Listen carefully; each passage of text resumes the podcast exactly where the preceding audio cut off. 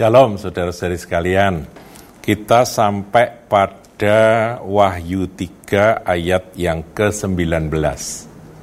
Setelah kita menelusuri dari ayat demi ayat, kita tiba pada ayat 19. Demikian bunyi firman Tuhan kepada jemaat Laodikia. Barang siapa ku kasihi, ia ku tegor dan ku hajar. Sebab itu relakanlah hatimu dan bertobatlah. Saudaraku, ada banyak orang Kristen punya pandangan bahwa karena Allah itu kasih, maka dia tidak akan pernah memukul, menghajar di dalam proses pendidikan karakter anak-anaknya. Jadi terus dielus-elus begitu ya. Kalau berbuat salah ya semakin diberkati. Apakah begitu Bapak kita yang di sorga? Tidak, saudaraku. Tuhan Yesus menyampaikan kebenaran ini, ya berkata tuliskanlah ini kepada malaikat jemaat di Laodikia, kemudian ditulis oleh eh, Yohanes uh, yang dikasihi, dan ada satu peringatan keras yang disampaikan kepada jemaat Laodikia. Barang siapa ku kasihi, ia ku tegur dan ku hajar. Sebab itu relakanlah hatimu dan bertobatlah.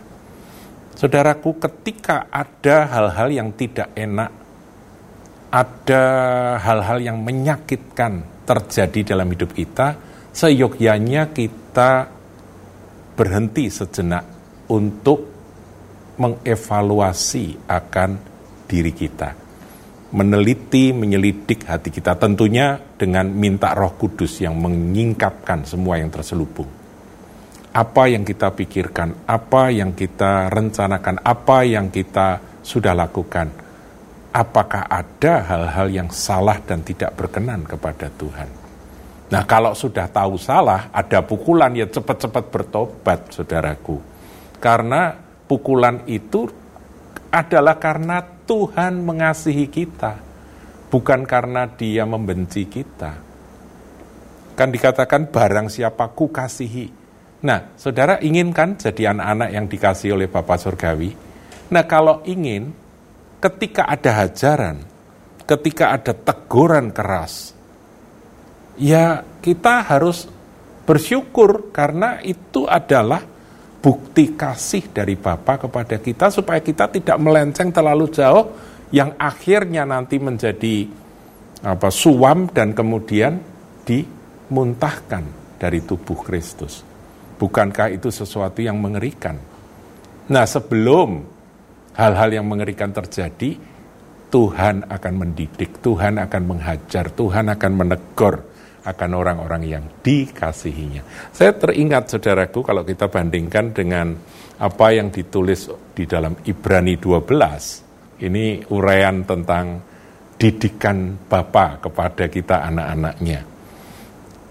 Ayat yang kelima dari Ibrani 12. Penulis Ibrani eh, menyitir dari beberapa ayat Amsal, saudaraku ya, Amsal Salomo.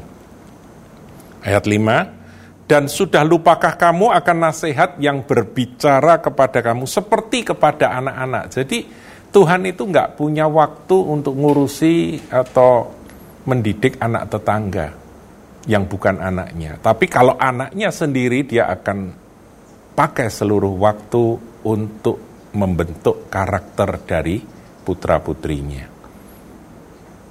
Hai anakku, janganlah anggap enteng didikan Tuhan ada orang-orang yang nganggap enteng. Sudah dipukul, sudah ditegur, tapi ya anggap, ah enggak lah. Duh, kamu tuh apa enggak evaluasi diri? Itu itu barangkali teguran Tuhan. Enggak ah, enggak. Ini kebetulan aja ini peristiwa ini terjadi karena aku kurang hati-hati. Ya begitu, saudaraku. Manusia selalu uh, apa beralasan dan tidak mau uh, berhenti dari semua yang dia lakukan ketika ada kegagalan, ada pukulan, ada hajaran. Itu dia nggak mau berhenti tapi terus nekat ngeyel begitu ya, kepala batu. Nah itu orang-orang yang anggap enteng didikan Tuhan, dipukul enggak apa-apa gitu ya. ada yang seperti itu. Tapi ada juga yang kelompok yang dan janganlah putus asa apabila engkau diperingatkan. Jadi begitu ada pukulan langsung dia down dan kemudian berkata Tuhan itu nggak sayang, Tuhan nggak nggak mengasihi aku sehingga aku dibiarkan terpuruk seperti ini. Kemudian dia malah malah akhirnya meninggalkan Tuhan. Lari cari minuman keras, cari narkoba. Ada saudaraku orang-orang yang seperti itu. Nah, sudah diperingatkan. Ada dua. Yang satunya bandel, anggap enteng. Yang satunya putus asa, saudara. Ya, karena dididik, diajar, dia putus asa dan kemudian makin merusak diri. Itu ada. Makin menjauh dari Tuhan. Nah, Dikatakan karena Tuhan menghajar orang yang dikasihinya, ya kan? Sama dengan tadi. Menghajar orang yang dikasihinya dan ia menyesah orang yang diakuinya sebagai anak. Ayat 7, jika kamu harus menanggung ganjaran, Allah memperlakukan kamu seperti anak. Di manakah terdapat anak yang tidak dihajar oleh ayahnya? Semua anak pasti dipukul kalau dia nakal, kalau dia salah, supaya apa? supaya hidupnya diluruskan. Didiklah anakmu ketika dia masih muda, masih kecil, supaya nanti kelak kemudian hari dia menjadi orang yang hidupnya lurus. Ayat 8. Tetapi jikalau kamu bebas dari ganjaran yang harus diderita setiap orang, maka kamu bukanlah anak, tetapi anak-anak gampang Saudaraku, anak-anak gampang itu banyak orang yang menafsirkan, ini bahasa Indonesia anak-anak gampang ditafsirkan ya macam-macam gitu ya. Tapi saya ingin beritahu Anda yang dimaksud anak gampang itu sebetulnya bukan anak yang sah, alias anak haram sebetulnya.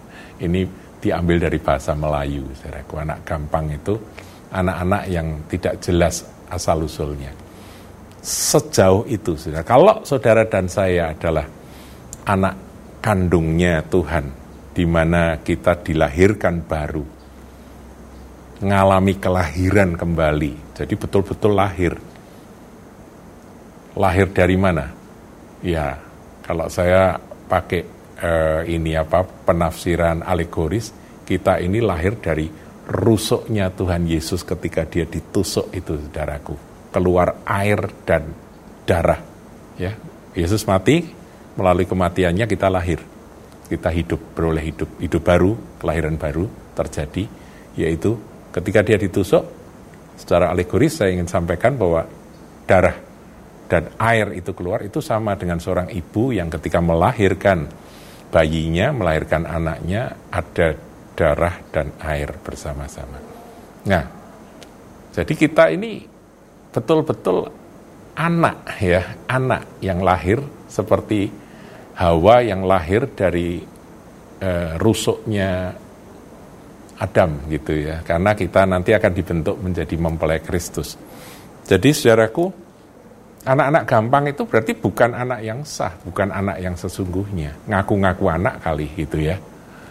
Di sini kita belajar bahwa kalau ada hajaran, ada teguran, ayo cepat bertobat karena itu adalah bukti kasih dari Bapa yang ingin meluruskan hidup kita.